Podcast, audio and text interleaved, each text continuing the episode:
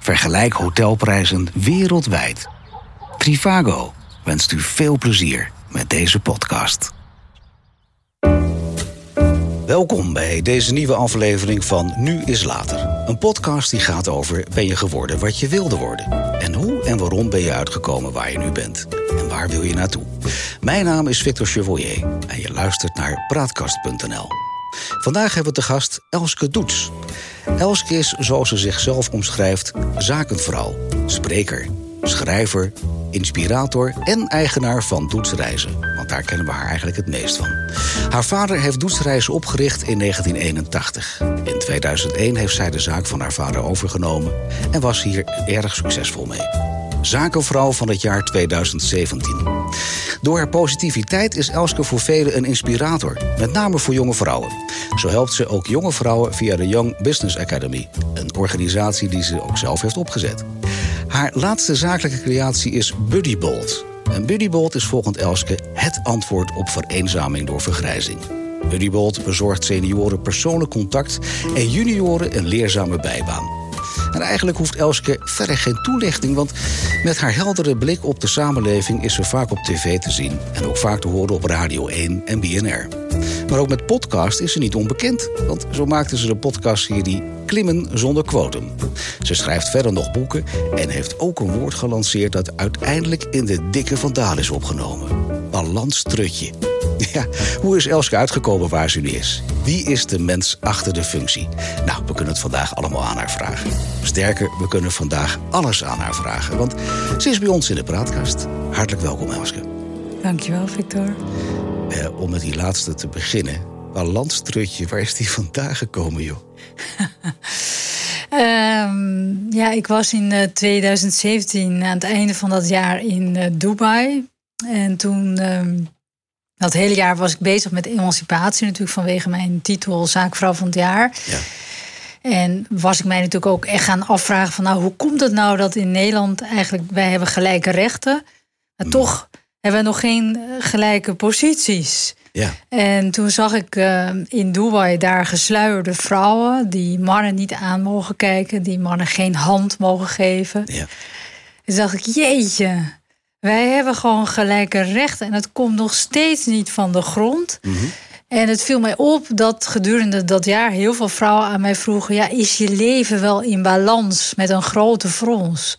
Ja. En toen dacht ik, ja, ik denk dat een heleboel vrouwen niet vooruitkomen omdat ze ook geen keuzes willen maken. Ze willen een leuke vriendin zijn, leuke dochter zijn, leuke uh, vrouw zijn leuke uh, nou ja, moeder alles, zijn. Alles ze willen alles. En dan moeten ze ook nog werken. Uh, Ze moeten yoga, ze moeten van alles. En dan wordt het een heel ingewikkelde kwestie om te excelleren. En dat zie je bij mannen niet, hè? Nee, maar die, die, uh, die, maken, die zijn veel minder gecompliceerd dan vrouwen, volgens mij. Mannen? Ja. Oké, okay, dat is wel een aanname hoor, maar goed. Nou ja, ik heb een mannengezin, dus ik zie hoe zij uh, omgaan met kwesties. Ja. Veel meer no-nonsense. Uh, maar het, het zit hem vooral in keuzes maken. Dus ja, mijn leven is wel in balans, omdat ik duidelijke keuzes maak. Mm -hmm. Ja, en ik kan dus niet alles doen. Nee, maar dat betekent dus eigenlijk dat je met balanstrutje, om het zo eerbiedig te mogen uitspreken, eh, mag je dan zeggen dat je het vrouwen kwalijk neemt dat zij dat alles, al die ballen in, in de lucht willen houden? Of is het eigenlijk een aanklacht tegen de mannen dat die anno 2021 nog steeds niet het fatsoen hebben om gewoon netjes ook hun eigen vaderlijke taken op zich te ja. nemen? Nou ja, er zitten meerdere kanten aan. Laten we vooropstellen dat een heleboel mensen heel erg boos, vooral heel veel vrouwen zijn heel erg boos op mij vanwege dat woord. En um, zelfs mannen hebben er moeite mee. Maar ik heb er dus geen moeite mee, omdat dat betekent eigenlijk dat dat woord iets losmaakt. En ik denk dat dat in de kwestie van emancipatie echt nodig is hè, om die gender equality te krijgen. En ja, kijk, als vrouwen blij zijn dat ze dus inderdaad al die tien dingen doen en dan mhm. dus niet gaan excelleren, prima. Hè, dan maken ze die keuze, zeg je. Uh, als inderdaad uh, zij uh, kennelijk dus niet de onderhandeling met hun levenspartner, man, veelal kunnen maken dat de taken wat meer verdeeld worden, ja, dan, dan is dat een gemiste kans. Maar is dat een maatschappelijk probleem of is dat een individueel probleem van nou, die betreffende vrouw? Ja, wat, wat, ik vind, wat ik vind in het debat rond, rond vrouwemancipatie, dat vaak de vrouw als slachtoffer wordt neergezet. En daar ben je klaar mee. En daar moet dan van alles voor geregeld worden. Er moet een wet komen dat ze gelijk evenveel geld mogen verdienen als een man. Er moet gratis kinderopvang komen. Dan denk ik, ja, maar dan ga je dus weer heel erg die vrouw faciliteren en neerzetten als een zwakker iemand. Mhm. En daar strijd ik tegen. Ik denk juist dat je veel meer inderdaad vanuit het individu skills kan leren, waardoor je dus sterker bent. Ook skills, skills kan leren om keuzes te maken. En dat je dan veel meer een beweging van onderop krijgt die veel krachtiger is. Enerzijds ben ik het met je eens, maar anderzijds, we zijn nu vijf en een halve minuut bezig en we hebben al gelijk een discussie over emancipatie. ik vind het wel leuk, Elske. Maar eh, wat mij dan opvalt, want het viel me ook in, in, in voorbereiding op het interview op. Eh, jij bent heel erg van de vrouw die, die, die geëmancipeerd moet zijn. En wat me dan wel opvalt daarin nee, tegelijkertijd... moet dat niet zijn, absoluut niet. Jawel. Nee. Jawel, want ze moeten de gelijke rechten en gelijke plichten en alles moet gelijk zijn. En daar ben ik ook helemaal voor. Hè. Daar, daar ga ik de discussie niet over aan. Maar wat, ik, wat me wel opvalt, is dat je dan eigenlijk je richt op uh, groeperingen van uitsluitend vrouwen. Waarin je, je je daarop focust. Terwijl ik denk van ja, maar dan ga je het eigenlijk minder inclusief maken. Of zie ik dat verkeerd? Nou, kijk, dat, dat ik mij richt op vrouwen, dat is natuurlijk een uh, gevolg van mijn titel Zakenvrouw van het jaar. Uh, ja, dat is een uh, titel die, zich, hè, die, die zet de vrouw als rolmodel, ik in dit geval, in het zonnetje. Ja. En je krijgt daarbij een opdracht mee om vrouwen verder te helpen. En daarom heb ik dus ook die Academy opgericht. Maar ik ben het helemaal met je eens, dat benoemde ik ook net. Het is natuurlijk iets gezamenlijks. het ehm, moet eigenlijk niet uitmaken of Elske, Elske vrouw of een man is. Dat zou die uit mogen maken. Nee, maar goed. Eh, dit, eh, en dat, dat, dat is een onderbelicht element in de hele discussie. Dat klopt. Maar ik, uh, nu beginnen wij natuurlijk heel erg over uh, balanstrutje en over emancipatie. Ja, uh, maar daar gaat deze podcast helemaal niet over. Ja, maar heel veel mensen vinden het helemaal niet leuk als, als Elske feminist is. En ik zeg ook dat ik. Feministen vind ik zo'n groot woord. Het mag niet uitmaken. Ik nee, vind nee, nee. dus daar, daarom. daarom. Dus, uh, maar ik noem mij dus geen. Ik, ik noem mijzelf een brengfeminist. Daar bedoel ik mee. Daarom heb ik dus ook gekozen om dus de jongere generatie dus te helpen. Ja. Dus ik kom iets brengen voor hen. En een heleboel feministes die krijzen alleen maar. Hè, die zien de vrouw als slachtoffer die geholpen moet worden. En die vrouw noem ik haalfeminist. Oké. Maar eigenlijk, diep in je hart, en, en, en, corrigeer me als ik het niet goed zeg. Eigenlijk zou het mogen uitmaken. Eigenlijk ben jij een zakenmens. En daar ben je succesvol in. Erg succesvol zelfs. En, en dan zou je jonge mensen willen helpen onafgemaakt. Het maakt niet uit of het mannen of vrouwen zijn. Ja, maar dat, uh, die titel mens, daar hou ik niet zo van. Ik ben ook niet zo erg van die genderneutraliteit. Want ik ben toch echt wel vrouw.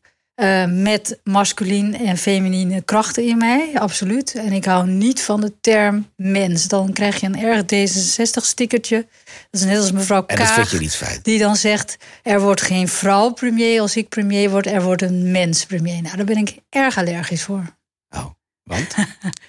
nou, ik, ik vind dat we niet voorbij moeten gaan aan degene die wij zijn geworden tijdens onze geboorte. En als we daarachter staan dat we dat zijn, dus ik ben vrouw en daar ben ik heel blij mee, dan is dat prima. Oké. Ik laat hem even hierbij, Aske. Anders gaan we een hele andere kant op. We zitten hier in het kader van Nu is Later. En, en die gaat er dus eigenlijk over van... Eh, ben je nou geworden wat je wilde worden? Ehm, en, en, en dat is eigenlijk mijn, mijn eerste vraag ook. Ben, ben jij nu, anno 2021, is jouw carrière de kant op gegaan waar jij als Elske van droomde? Um, nee, eigenlijk wel. Want als jong meisje uh, was ik, uh, had ik de droom om zakenvrouw te worden. En waarom, waarom wilde je dat? Want ik zie dan ja. Elske voor me in welke leeftijd? Nou ja, acht, negen jaar, zeg maar. Dus toen was je net het, het poppenhuisstadium uit. En toen wilde je al zakenvrouw worden. Nou, ik was absoluut niet het poppenhuisstadium uit. Want ik heb in de brugklas zelfs nog met Barbies gespeeld. Oké. Want ik ben een beetje een late rijp type, zeg maar. Um, want ik, ik, ik ben ook echt was altijd echt een meisje-meisje, zeg maar. Ja. Ik had als uh, meisje ook maar één broek. Voor de rest alleen maar jurken, zeg maar. Ehm, nee, ik zag mijn vader elke dag dat doen. Uh, in die tijd uh, hing hij dan ook s'avonds uren aan de telefoon met zakenpartners. Die kwamen bij ons over de vloer. Hij had zo'n harde attaché-koffer waarmee je bij wijze van spreken iemand dood zou kunnen slaan. Die bestaan gelukkig niet meer, die koffers. En ik was altijd geïntrigeerd van hoe werkt dat nou? Waar heeft hij het over? En hoe sluit je nou een deal? Is dat nou een nette wereld? En ook als kind, toevallig heb ik daar net een fotootje van gepost, was ik altijd bezig met vooral tenten en hutten bouwen. Dus wel altijd iets aan het bouwen. Uh, altijd iets creëren, zeg maar. En mijn zusje, die, uh, daar speelde ik heel veel mee. Die was heel zorgzaam. Dus ik kon eigenlijk nooit. We speelden dus heel veel met poppen en met Barbies. Maar dat kon niet samen. Uh, nou, zij kon dat dus echt als een echte baby behandelen. Ik kreeg dat niet voor elkaar. Wat gebeurde er met jou? Nou ja, dat, dat, ik kon dat dus niet als normaal vasthouden. Dan ging die baby helemaal op de kop. Wat natuurlijk niet handig is als je een echte baby aankleedt.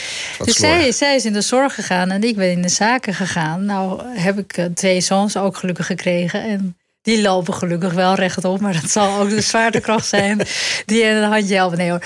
Maar uh, ik heb ook van mijn zusje geleerd. Want die had eerder kinderen dan ik. Hoe je dan een luier op moest doen. Want ik heb als puber natuurlijk ook nooit opgepast. Daar had ik ook helemaal geen interesse in. Maar wat voor, wat voor beeld had jij op die leeftijd bij een echte zakenvrouw? Wat was dat dan? Um, nou ja, zakenvrouw, daar was ik niet zo mee bezig. Ik wilde gewoon zaken gaan doen, zeg maar. Ja, maar wat was dat dan? Wat, wat is voor jou zaken beeld, doen? Nou ja, dat je dus, dus, dus een, een afspraak met iemand maakt. Dat je een deal sluit. Dat zag ik mijn vader doen. En dat vond ik intrigerend. En ik wilde weten hoe dat werkte. Ik ben er natuurlijk later achter gekomen dat dat natuurlijk helemaal niet netjes is. En, nee? nee. Uh, uh, dus dus uh, dat mensen vals spelen of afspraken niet nakomen, dat, dat hoort er allemaal bij. Maar nee, dat... Je had toen in die tijd nog de naïviteit dat de mensheid goed in elkaar zat. Ja, ja. Wat wij afspreken doen we ook gewoon. Ja. hebben we geen ander beeld bij. Nee. Nee. Ja. Ja. Ja. Schade en schande wijs geworden in de loop der jaren? Nou ja, natuurlijk doen eh, leert, eh, leert je een hoop dingen, ja. Nou ja, je Ja. bent er wel succesvol in. Dus, dus kan je Ja. dan ook stellen dat je even gemeen geworden bent als die andere mensen?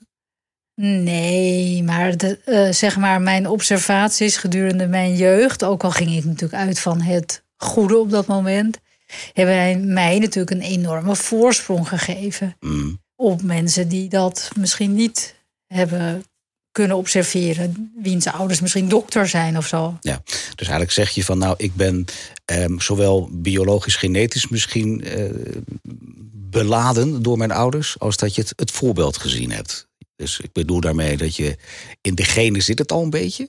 Ja, En tegelijkertijd heb je het zien gebeuren waardoor jouw liefde voor het zaken doen geboren werd. Ja, want ik vind bijvoorbeeld ook onderhandelen heel leuk.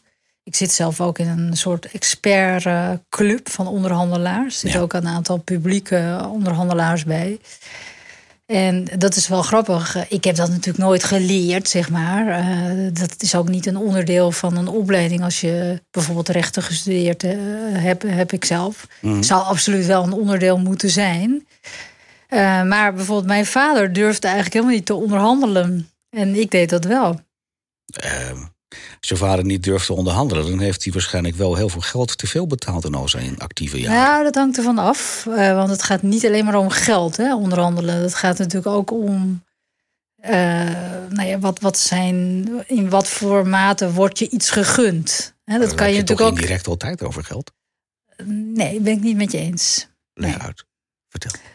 Nou, als je nu bijvoorbeeld kijkt, eh, daar ben ik dan heel erg in geïntrigeerd. Wat is er nu fout gegaan met de onderhandelingen met de vaccins van corona in Ja. de eh, Europese Unie in Brussel, zeg maar?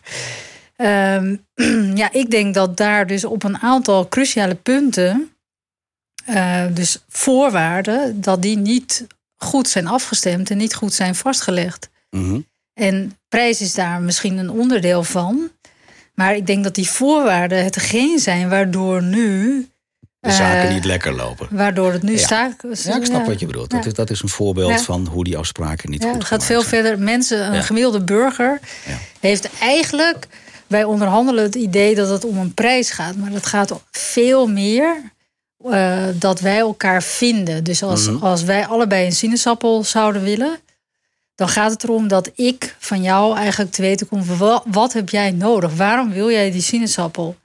En als dan blijkt dat jij bijvoorbeeld alleen maar de schil wil en ik wil het sap omdat ik dorst heb, we allebei een sinaasappel. Ja. We hebben allebei winst. Dus dat gaat veel verder dan een prijs. Wat, en voor, winnen en verliezen. wat voor basiscompetenties bezit jij dat je dit zo succesvol kunt? Ja, geen idee. Ehm, ik ben iemand die ehm, ja, gelukkig natuurlijk wel eh, gezegend ben met eh, bepaalde hersen, eh, hersens. dat helpt. Je hebt meer dan twee hersencellen, zeg maar. Ja, eh, maar ik denk gewoon heel geïnteresseerd ben ik. Ehm, heel breed geïnteresseerd. Heel erg observerend. Ehm, Ben je wel een mensenmens? Dat je wel mensen observeert en kijkt waar, waar zij goed in zijn en waar hun minder ja, sterke ja, kanten ja, zijn? zeker. Dat, dat is als leider van een team natuurlijk ongelooflijk belangrijk. Dat je team dus bestaat uit, eh, niet uit clones van Elske. Ja. Dat zou niet fijn zijn. Eh, dat moeten allemaal verschillende mensen zijn. Net als een voetbalteam natuurlijk allerlei kwaliteiten in zich heeft. En ehm, ja, ik moet juist die afwijkende kwaliteiten die elkaar kunnen aanvullen, waarderen. Maar wat zijn jouw kwaliteiten daarin dan? Mijn kwaliteiten zijn dat ik. ehm, ik denk, mijn grootste kwaliteit is dat ik dingen in beweging kan krijgen. Mhm. Dus eh, mensen kan aanzetten, zeg maar. Dus ik kan. Motiveren.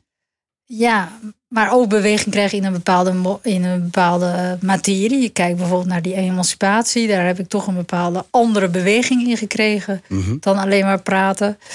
Ja, ehm, ik kijk altijd heel ver vooruit en probeer ergens naartoe te werken. En probeer er ook tempo in te krijgen. Die combinatie. Ja. Ehm, we hadden net over jouw jeugd. Wat, wat, voor, wat voor opleiding heb je gedaan toen je eh, middelbare school bent gaan doen en daarna? Ehm, ik heb eerst HAVO gedaan, omdat mijn ouders eh, die hebben allebei geen eh, middelbare school afgemaakt. Dus dan sta je natuurlijk altijd ietsje achter. Dat realiseer ik mij toen absoluut niet. Eh, dus Waarom sta je achter dan, denk je? nou, ik had dus in één keer gewoon VWO of iets anders kunnen doen. Eh, maar dat, dat wordt je dan niet gegund. Hè? Als je ouders geen middelbare school hebben gedaan of afgemaakt, dan. Is dat zo? Ja, ja, dat is zo. Klinkt dat eng? Dat is nu nog steeds zo, hè? ja, als dus je als- bepaalde achterstandswijken kijkt, bedo- bedoel je? Nou, het opleidingsniveau van je ouders speelt nog steeds een rol in eh, schooladviezen. En Dat is nu veel transparanter dan dat toen was natuurlijk. Maar goed, daar heb ik allemaal geen last van gehad. Eh, ik heb ook nog dus VWO gedaan. Dat heb ik allemaal fluitend gedaan. Ik was ook heel erg verliefd op dat moment. Dus ik heb er eigenlijk heel weinig aan gedaan. Maar dat ging allemaal perfect. Je was En toen- verliefd op een persoon. Jazeker. Niet op school. Nee, wat is voor klok het even? Eh, nou, ik werd wel heel blij op eh, school. Heel blij om, vooral, ik ben echt heel erg taalgericht. Eh, heel veel te lezen en zo. Dus eh, je voelde je prima op school. Je was ook populair daar? nee, ik ben niet zo'n groepsmens. Nee. Omschrijf jezelf eens in die periode. Nee, maar dat is nog steeds zo, zoals ik ben. Dat, dat, dat is Elske nu, is Elske toen, zeg maar. Eh, Ja, als ik hier op je kantoor om je heen kijk, dan zie ik overal Elske. En dat, Ja. was, dat was vroeger minder. Dus hier mag je aannemen dat je nu in een sociale omgeving zit... waar je wel populair bent en in het middelpunt staat. Was dat toen op school ook al? Ja, nee, dat, ja, kijk, dat je, dat je hier Elske zit is omdat ik dingen krijg en die moet ik dan neerzetten, zeg maar. Dat vind je ook vreselijk. dus dat, dat is. Nee, nee, kijk, ik ben, eh, nee, ik ben iemand die is in tweede termijn sociaal. Dus ik moet altijd eerst even positioneren, zeg maar. Dus toen ik heel jong was. eh, en mijn moeder ging met mij bijvoorbeeld naar een verjaardag toe, dan moest ik eerst in een hoekje kijken hoe het werkte. Eerst heb- even het overzicht krijgen om, Ja, heb om ik nog alle steeds. lijntjes te zien, Ja. alle verhoudingen waar te nemen voordat Ja. je zelf naar voren komt. Ja, dus, dus ik moet, moet eerst. En dan ga ik. En dat he- hebben dus onze zoons ook. Mhm. En mijn man die is dus buitengewoon sociaal. Dus dat is heel fijn voor mij. Want dan kan ik dan dus op meeliften, zeg maar, als een soort parasiet. Maar hij zegt dan, oh jee, want wij hebben dan de gewoonte als we ergens komen, dat we niet, dat we dus niet kennen en dan, dan moeten inschatten, dan gaan we langzamer lopen. Ja. En dan zegt hij, oh jee, jullie zijn aan het positioneren. hij heeft het gelijk door dan, hè? Ja, ja. ja, ja. ja. Is dat ook diezelfde man waar je toen verliefd op was? Ja. Is al die tijd dezelfde geweest? Oh, wat leuk. ja. Ehm, je was tegelijkertijd verliefd en je kon je, je studie volgen, zeg maar. Dat ging allemaal goed. Het was, het was thuis Ja. gezellig en leuk en geen problemen. Er lagen Nee, alleen maar nee. uitdagingen voor je. Nou ja, kijk, mijn vader was altijd natuurlijk verschrikkelijk hard aan het werk. Die werkte meer dan 80 uur per week. Je Dus vader die- leeft nog? Ja, die eh, zag ik eigenlijk nooit. Eh, en mijn moeder moest dat doen. Eh, alleen runnen, het gezin. Mhm. En ehm, ja, kijk, ik, ik was dan ook al heel veel aan het lezen, ook tijdens mijn middelbare school. En eh, dat vond zij gek. Dan zei ze, wanneer stop je daar eens mee? Wat deed je moeder vroeger? Eh, mijn moeder heeft in een winkel gewerkt. En ze Mhm. heeft natuurlijk tijdens de, eh, zeg maar de opvoeding heel veel voor ons gedaan. En ook dingen voor mijn vader gedaan. Maar zij heeft nooit een carrière gehad, omdat zij dus faciliterend was. Ja, maar dat, dat, dat klinkt bijna alsof je dat verontschuldigend zegt. Daar is toch niks mis mee? Er is niks mis mee. Dat heeft ze heel goed gedaan. Alleen denk ik dat zij ook wel meer in haar mars had. Eh, maar in die tijd was dat dus anders. Ja, maar zij faciliteerde jouw vader om carrière te kunnen maken. Ja, En ze heeft jullie opgevoed. Ja. Dus de, jullie, ik weet niet of... Heb je broers, zusters? een zusje. Een zusje, oké. Ja. Ehm, want als je, als je nu op die periode terugkijkt, dan zeg je van ja, mijn moeder had misschien ook meer kunnen doen. Eh, Mogen doen. Ja, mogen doen. Ja. Ja. Ehm, denk je dat ze daarmee een, een, een eh, carrière misgelopen is? Of gaat het te ver? Ehm, nou, ik denk dat zij wel heel veel in zich heeft waar ze iets mee had kunnen doen. Ja. Eh, voordat zij trouwde was zij manager van een eh, grote kunsthandel. Mhm. Ja, het is toch zonde als je dat later niet hebt eh, op kunnen pakken. Dat je altijd jezelf dienstbaar hebt opgesteld. Nu zit jij min of meer in een omgekeerde positie, stel ik mij zo voor. Want hoe is de situatie met jouw man qua taakverdeling thuis? Ehm, nou, dat is een misvatting, want hij is, Pijnlijke vraag. Oké. hij is ook ondernemer. ja. Eh, dus wij hebben allebei een bedrijf, losstaand van elkaar dus. Eh, en dat betekent dus dat wij ehm, eigenlijk van nature de rolverdeling eh, gelijkwaardig hebben ingevuld. Oké. Eh, dus dat betekent dat eh, toen wij bijvoorbeeld hele kleine kinderen hadden, baby's, dan gaf ik borstvoeding. En dan ging hij het kindje pakken en weer in bed leggen, zodat hij ook iets deed. Ja, dat ging heel, van heel, eh, heel natuurlijk, zeg maar. Eh, Ze zijn nu 16 en 18, vertelde je? Nee, ze zijn 13 en 17. 13 en 17. Ehm, als, je, als je dat dan, dan nu naast elkaar legt, eh, dat- je, je bent nog niet klaar met die opvoeding, maar mag je dan stellen dat je dat echt heel geëmancipeerd vormgegeven hebt? Dat, dat de taakverdeling thuis bij jullie qua zorg en qua carrière maken evenredig was? In, in ons gezin wel, ja. Ik ben dus heel blij dat ik dus een man heb die daar dus eigenlijk heel makkelijk. eh, dat Zo'n heb ik nooit hoeven vragen. Dat is gewoon vanzelf gegaan, zeg maar. En eh, ja, ik, ik ben natuurlijk ook heel veel op reis geweest. Ja, die kinderen die zijn natuurlijk toch als ze jong zijn heel vaak ziek. Ja. Eh, ja, dat, dat moest hij ook allemaal alleen doen. Het enige wat ik dan deed, want ik zat natuurlijk 10.000 kilometer verder, maar ik legde wel voor hem dan kledingsetjes neer voor de kinderen. Want dan, dan wist ik tenminste zeker. Dat het dat, vond hij, nou, dat vond hij moeilijk om te combineren. Dat het juiste truitje met het juiste broekje. Dus dat legde ik dan voor hem neer. Maar ja, ik heb wel in, in Canada was mijn eh, oudste zoon, die was twee, die was heel erg ziek. En dan ging ik dus eh, eh, zingen voor hem door de telefoon. Want dan had je natuurlijk nog geen FaceTime en zulke soort dingen. Nee. Eh, dus ja, dat, dat is natuurlijk wel heel naar, zeg maar. eh, als je dan zo ver weg bent. Ja. Maar Hadden jullie daar een vaste ondersteuning ook th- thuis? Of was dat echt met jullie tweeën dat je dat allemaal opgepakt hebt? Eh, heel veel met z'n tweeën. En we hebben toen de, onze tweede zoon dus geboren is, hebben we een oppas aan huis eh, gehad. En, en ook de opa's en oma's hebben natuurlijk een rol gespeeld. Ja. Oké. En, en wat voor ondernemer is jouw man? Wat, wat doet hij? Hij is notaris. Notaris. Ja. Oké. Ehm, en hij werkt evenveel uren als dat jij doet per week. Ehm, ja, misschien nog wel meer dan ik. Oké. Ja.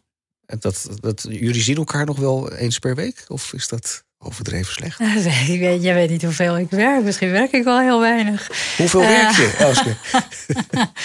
Nee, wij zien elkaar ontzettend veel. Ehm, nee, Mijn streven is eigenlijk niet meer dan 40, 50 uur per week te werken. Uh, En dat is dan echt werken. Uh, daarnaast ben je natuurlijk als ondernemer en ik ook als persoon met alle activiteiten die ik daarnaast doe, ook heel veel aan het denken. En dat stopt nooit. Dat is natuurlijk ook s'nachts dat je heel veel denkt. Nou, dan ben je ook aan het werk. Je bent eigenlijk elk vaak moment ben je aan het werken, wil je daarmee zeggen. Je bent aan het, ja, aan het. Het is een uitdaging voor mij om inderdaad ook mijzelf uit te zetten. Ja, lukt dat? Dat is een uitdaging, ja. ja. Want ik sta dus heel erg open voor impulsen. Dus ja, zelfs als je aan het eten bent of met vrienden van je kinderen aan tafel zit, kan, kan er opeens iets binnenkomen bij je. Op wat voor manier ontspan jij dan? Uh, sport. Dus en uh, natuur, daar word ik heel blij van. En uh, door corona sport ik dus eigenlijk alleen maar in de natuur. Ja, dat is een ideale combinatie eigenlijk. Dus dat is één groot feest. Ja, ja. leuk. Ja. ja. maar dan kom je echt tot rust. Dan kun je die impulsstroom kun je wel even stilzetten. Ja, uh, maar dat is dus geen rustig sporten. Want ik doe dus hardlopen en functioneel trainen. Mm -hmm. uh, dus, en dat doe ik dan zeg maar drie keer per week. Ja, dus dan, dan, dan is dat niet echt. Ja, ik ga dan ook vaak nog wel gedurende dat uur of anderhalf uur dat ik dan bezig ben, wel nog even tien minuten of vijf minuten mediteren.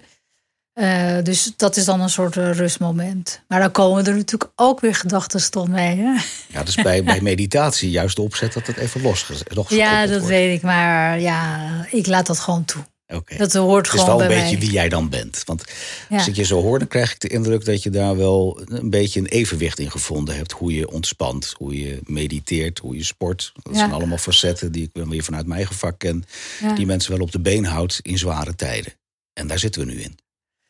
Ja, maar eh, natuur is sowieso is voor mij altijd heel belangrijk geweest. Eh, Van jongs af aan? ja, dus, eh, dus ik, ik, ik eh, wilde vroeger ook iets van. Ik vond bijvoorbeeld ook boswachter of vogelaar. Vond ik ook heel leuk, zeg maar. Eh, dus nu, nu nog steeds denk ik, jeetje, ik zou toch helemaal afscheid moeten nemen van het hele zakelijke gebeuren en gewoon boswachter worden, toch? Zit daar een kans in dat we je over tien jaar gaan interviewen als boswachter? Eh, ja, je zegt nooit nooit. Maar ik heb nog wel andere ideeën hoor, eh, over wat ik zou kunnen doen als ik hier allemaal mee stop. Daar gaan we het zo meteen nog even over hebben. Want er is nog wel een andere vraag eigenlijk. Want eh, jouw vader heeft, heeft doetsreizen opgezet. eh, in 1981 had ik gelezen. Ehm, jij hebt het overgenomen in 2001, dus je bent veel met vliegbewegingen bezig. Maar, maar durf jij te veronderstellen wat je gedaan zou hebben als jouw vader niet het bedrijf gehad zou hebben? Waar zou Elske dan uitgekomen zijn? Ja, goede vraag. Ehm, ik heb natuurlijk gekozen om eh, rechten te gaan studeren. En waarom koos je daarvoor? Ehm, omdat ik debatteren leuk vind. En ja, ik dacht dan, dan ga ik de advocatuur in. En tijdens de studie merkte ik al dat je als advocaat natuurlijk heel erg ja, faciliterend bezig bent. Je gaat eigenlijk problemen van andere mensen oplossen. Daarvoor word je ingehuurd. Ja. Ehm, en ik dacht, ja, ik wil veel meer creëren, zeg maar. En dus in plaats van problemen van anderen oplossen, wil ik ze eigenlijk zelf eh, creëren. Je problemen wil je niet creëren, toch? Nee, maar goed, als ondernemer creëer je dingen en daar kunnen natuurlijk ook kunnen- dingen in fout gaan. Dat En, eh, moet je accepteren, anders kom je niet vooruit. Is het van jou een vraagstuk geweest in 2001 of je de, de zaak van papa zou overnemen? Nee, toen niet. Eh, ik vond het eigenlijk al vanaf het begin af aan. Ik was dus eh, negen dat hij dat begon. Ja. Eh, vond ik het razend interessant. En ik heb dat op de voet gevolgd. Dus elk eh, hoogtepunt en dieptepunt eh, heb ik gevolgd. Ehm, ja, daarin zie je een groot verschil met mijn zusje... die eigenlijk tot op heden nog steeds die interesse niet heeft. Dus Ja. dat is dan Hele toch iets... dingen is gedaan. Die zit nog dat is dus in de he- zorg. Ja, Ja. dat is dus heel iets natuurlijks eigenlijk. Mhm. En ehm, ik heb dus ook altijd hier vanaf mijn veertiende al gewerkt, zeg maar. Dus, eh, dus ik heb ook echt heel veel handmatig geleerd. In die tijd had je natuurlijk nog geen computers en eh, ging ik nog stempelen en handmatige kaarten invullen. Ja, dat is Ja. natuurlijk de beste opleiding die je maar kan bedenken, zeg maar. Eh, dus ja, geweldig. Er zat een beetje neus middenin. Het, het, het, het werd je met de pap. Ja, en ik ging tijdens mijn rechtenstudie, toen was mijn vader ernstig ziek. En toen zat ik op zo'n punt van, Eh, ja, wat ga ik nou doen? Ik ben ook op zo'n jurist- en werkdag geweest in Leiden. Ja, multinationals, hè, dat was toen nog heel erg in dat je voor multinationals ging werken. Toen dacht ik, nee, dat, dat, dat word ik. Dat ik, ik ik, niet stelde mij dus elke keer toen al die vraag. Misschien was het dus al een hele vroegtijdige midlife crisis.